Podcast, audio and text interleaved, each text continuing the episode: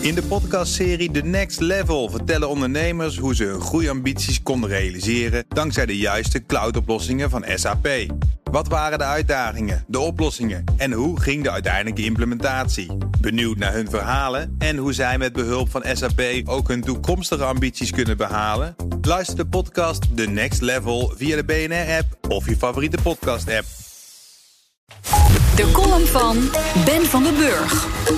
In mijn jeugd werkte ik dagelijks in de kassen van mijn vader. Ik bezorgde kranten.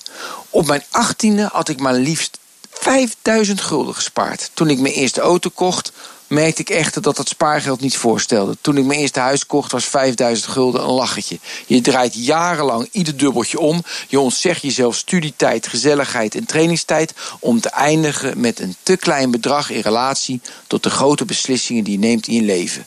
Afgelopen week heibel over het huidige leenstelsel voor studenten. Zelfs de P van de A keert zich daar nu tegen.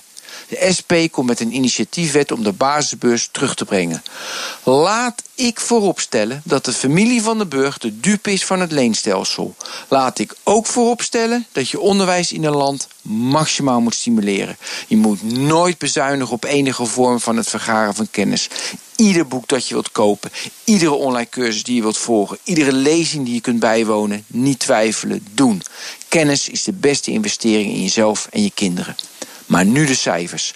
Die ik opvallend weinig hoorde van de politici en de studentenwoordvoerders. Ik hoorde slechts cijfers dat de leningen van de studenten de spuigaten uitlopen. Waar hebben we het eigenlijk over?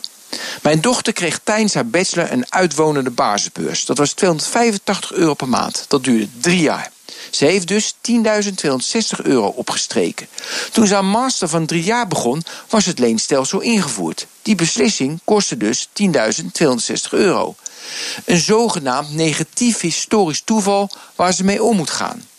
Doe je een vierjarige universitaire opleiding en je bent uitwonend, dan kost het leenstelsel je 12 keer 4 keer 285 is 13.680 euro. We genereren gemiddeld een kleine 2 miljoen euro in ons leven. Ik reken met 50 jaar en een modaal inkomen. Universitaire scholen genereren meer.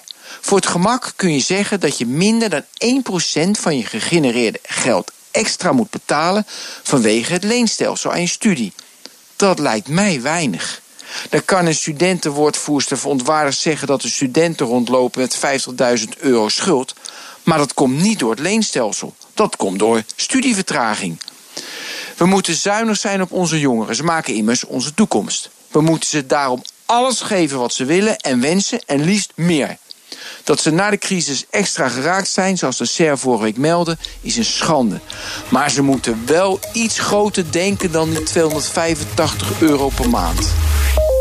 En dat zei Ben van den Burg, onze columnist op vrijdag. En als u zijn column wilt terugluisteren, uiteraard kan dat. We bieden u een aantal mogelijkheden. Hier komt het menu.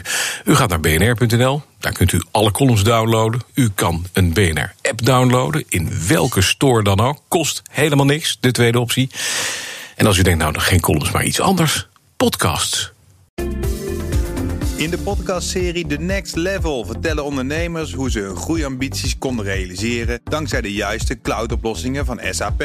Wat waren de uitdagingen, de oplossingen en hoe ging de uiteindelijke implementatie? Benieuwd naar hun verhalen en hoe zij met behulp van SAP ook hun toekomstige ambities kunnen behalen? Luister de podcast The Next Level via de BNR-app of je favoriete podcast-app.